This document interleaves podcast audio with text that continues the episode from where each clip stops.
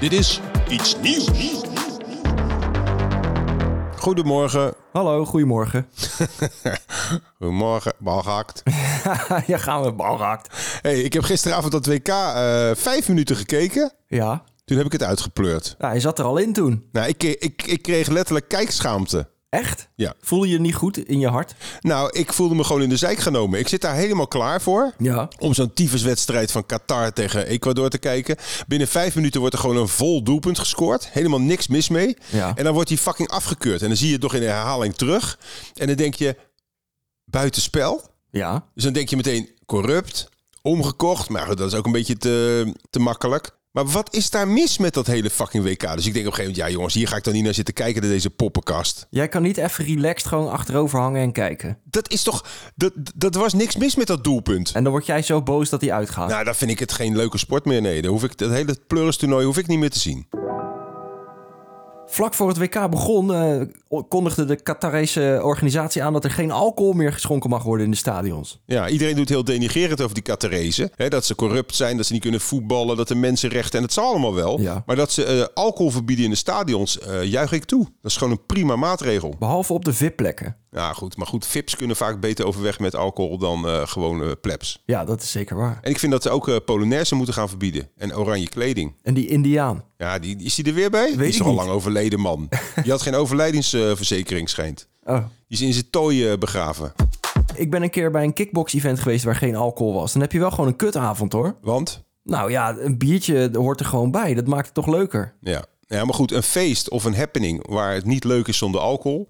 Ja. is eigenlijk gewoon geen leuke happening. Jij- En laten we eerlijk zijn, als, als, als de cafés en de, de clubs en de festivals... als daar geen alcohol geschonken zou worden... dan ga je toch gewoon om eh, 12 uur eh, naar huis? De meeste mensen wel, ja, zeker. Ja, dus laten we gewoon onze drankbril weer afzetten en gewoon zien hoe echt eh, kut het is, dat uitgaan. Dat doen ze eigenlijk wel goed dan in Qatar, zonder alcohol. Ik had Ja. vroeger ook een vriend die dronk nooit, omdat hij moslim was. En die had het nog steeds naar zijn zin. Nou, kijk, dat is het natuurlijk ook, hè. Je denkt dat je het leuk hebt, maar ten eerste is het helemaal niet echt leuk. Nee. Je gaat jezelf misdragen. Je hebt eh, de, de dag daarna heb je spijt en eh, fysieke ongemak. Dus eh, probeer het gewoon eens nuchter te doen. Dan zie je gewoon, het is geen ene reet aan. Of je kan leedvermaak krijgen om al die belachelijke eh, dronken mensen.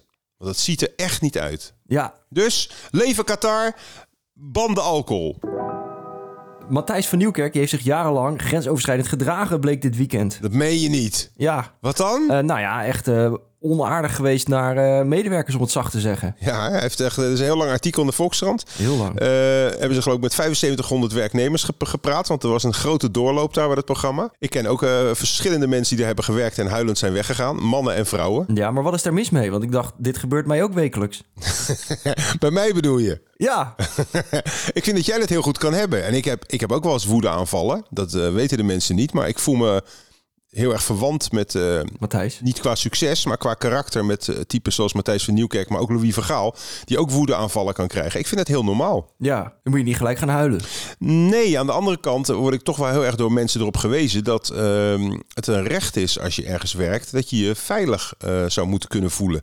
En dat het niet de bedoeling is dat je vernederd wordt door eh, een baas of door iemand met macht. Nee, je hebt me nooit vernederd. Je hebt het zelfs goed gemaakt toen door me poezenvoerbakken te sturen. Ja, maar goed, dat is, ik heb inderdaad eh, een paar eh, voederbakken voor, je, voor al je katten, want je bent een kattenvrouwtje. Ja. Heb ik eh, nieuwe k- voerbakken voor je eh, laten bezorgen. Maar goed, dat is ook weer een soort van omkoperij. Dat is ook weer een s- soort- soort van schuld bekennen. Je zou heel sterk staan als je een zaak zou beginnen nu tegen mij. Het zijn Catarese toestanden. Maar heb je al- als mens het recht om goed behandeld te worden? Vroeg ik me ineens af. Door iedereen ten alle tijden. Ja, wel op de werkvloer. Dat willen ze toch? Waarom eigenlijk? Nou, ze willen toch een veilige werkgever zijn? Ja, maar waarom mag eh, een Matthijs van Nieuwkerk... eh, waarom mag hij geen woedeaanval krijgen? Nou, omdat er dan eh, allemaal redacteuren verdrietig worden. En terecht misschien ook wel. Ja, maar als hij dat niet doet, eh, wordt hij waarschijnlijk depressief. Ik merk dat zelf ook wel eens als ik mijn woede niet mag uiten naar buiten toe.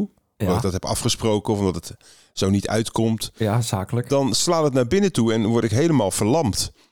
En Wat heb je aan een verlamde presentator die de Wereld Draait Door eh, presenteert? Met hele gelukkige redacteuren die echt nooit zijn uitgekafferd. Waarom komt dit altijd achteraf? Waarom is het nooit tijdens? Dat begrijp ik niet. Ja, Ja, dat is een goede vraag. Als wij dadelijk stoppen met iets nieuws, komen er dan ook allemaal eh, verhalen. Dan komt het oude vel eruit. Hè? Maar het is wel opvallend dat inderdaad... Ik ken ook mensen die daar echt acht of tien jaar geleden hebben gewerkt. En die zeggen nu letterlijk tegen me... Ik ben echt emotioneel van dit, dat dit naar buiten komt. Ik hoop dat ze helemaal kapot worden gemaakt. Zeg ik, waar komt deze haat vandaan? En waarom heb je dit niet eerder laten horen? Ja. Ik wist wel dat het er hard aan toe ging. Ik heb ook van een gast wel eens gehoord.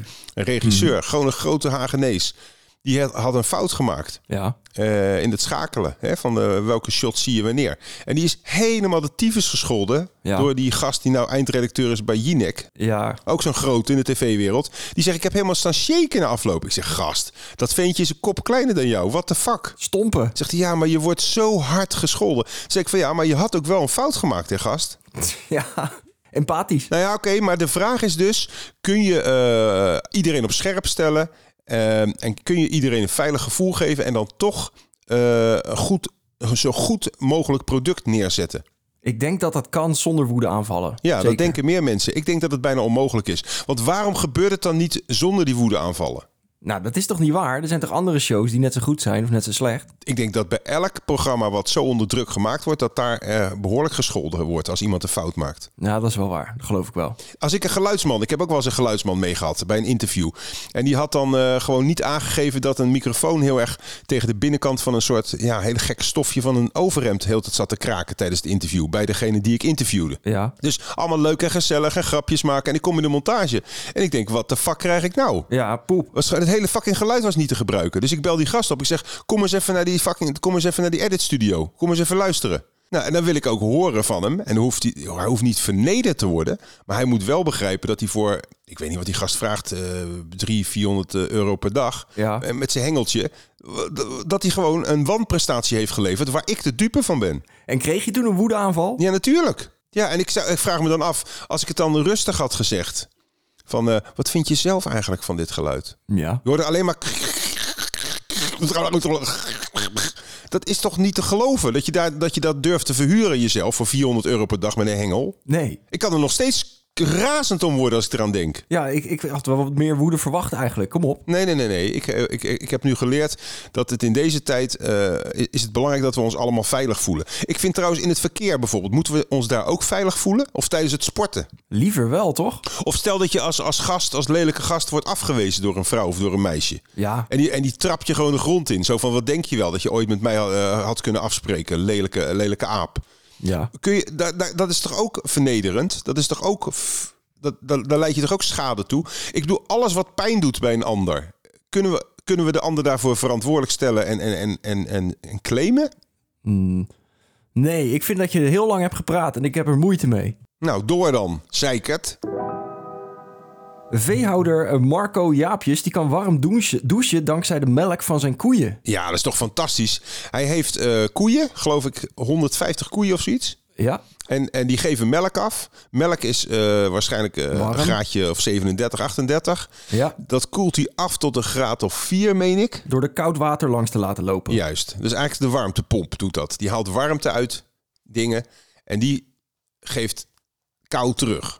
Dus een omgekeerde ijskast. Zoiets, ja. En dat, met die warmte kan hij de was doen, kan hij de auto wassen, kan hij zijn vrouw schoonspuiten, alles doen. En hij hoeft ook minder energie te besteden om zijn melk te koelen. Dat is fantastisch. En ik zat er ook te denken, dit principe kunnen we natuurlijk ook zelf toepassen als man. Want bijvoorbeeld onze testikels, die zijn, die zijn vaak te warm. Daarom gaat Ja. ons zaad zo hard, hard achteruit de laatste tijd.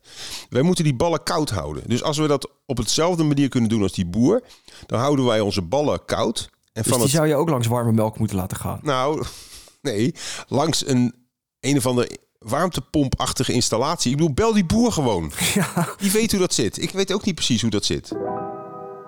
In de haven van Antwerpen wordt zoveel cocaïne in beslag genomen dat eh, ja, het past niet meer in de oven. Ja, dat is toch bijna een soort eh speldbericht dit. Ja, Dus er is zoveel cocaïne onderschept. Ik geloof 90 ton. Dat is 90.000 kilo aan cocaïne. ja. Dat ze dat niet eens meer kunnen verbranden, omdat eh, die ovens dat niet aan kunnen. Waarom kunnen ze het niet gewoon in de, in de, in de haven gooien? Nee dat, kan, nee, dat kan niet voor de vissen. Dat is allemaal chemisch, hè?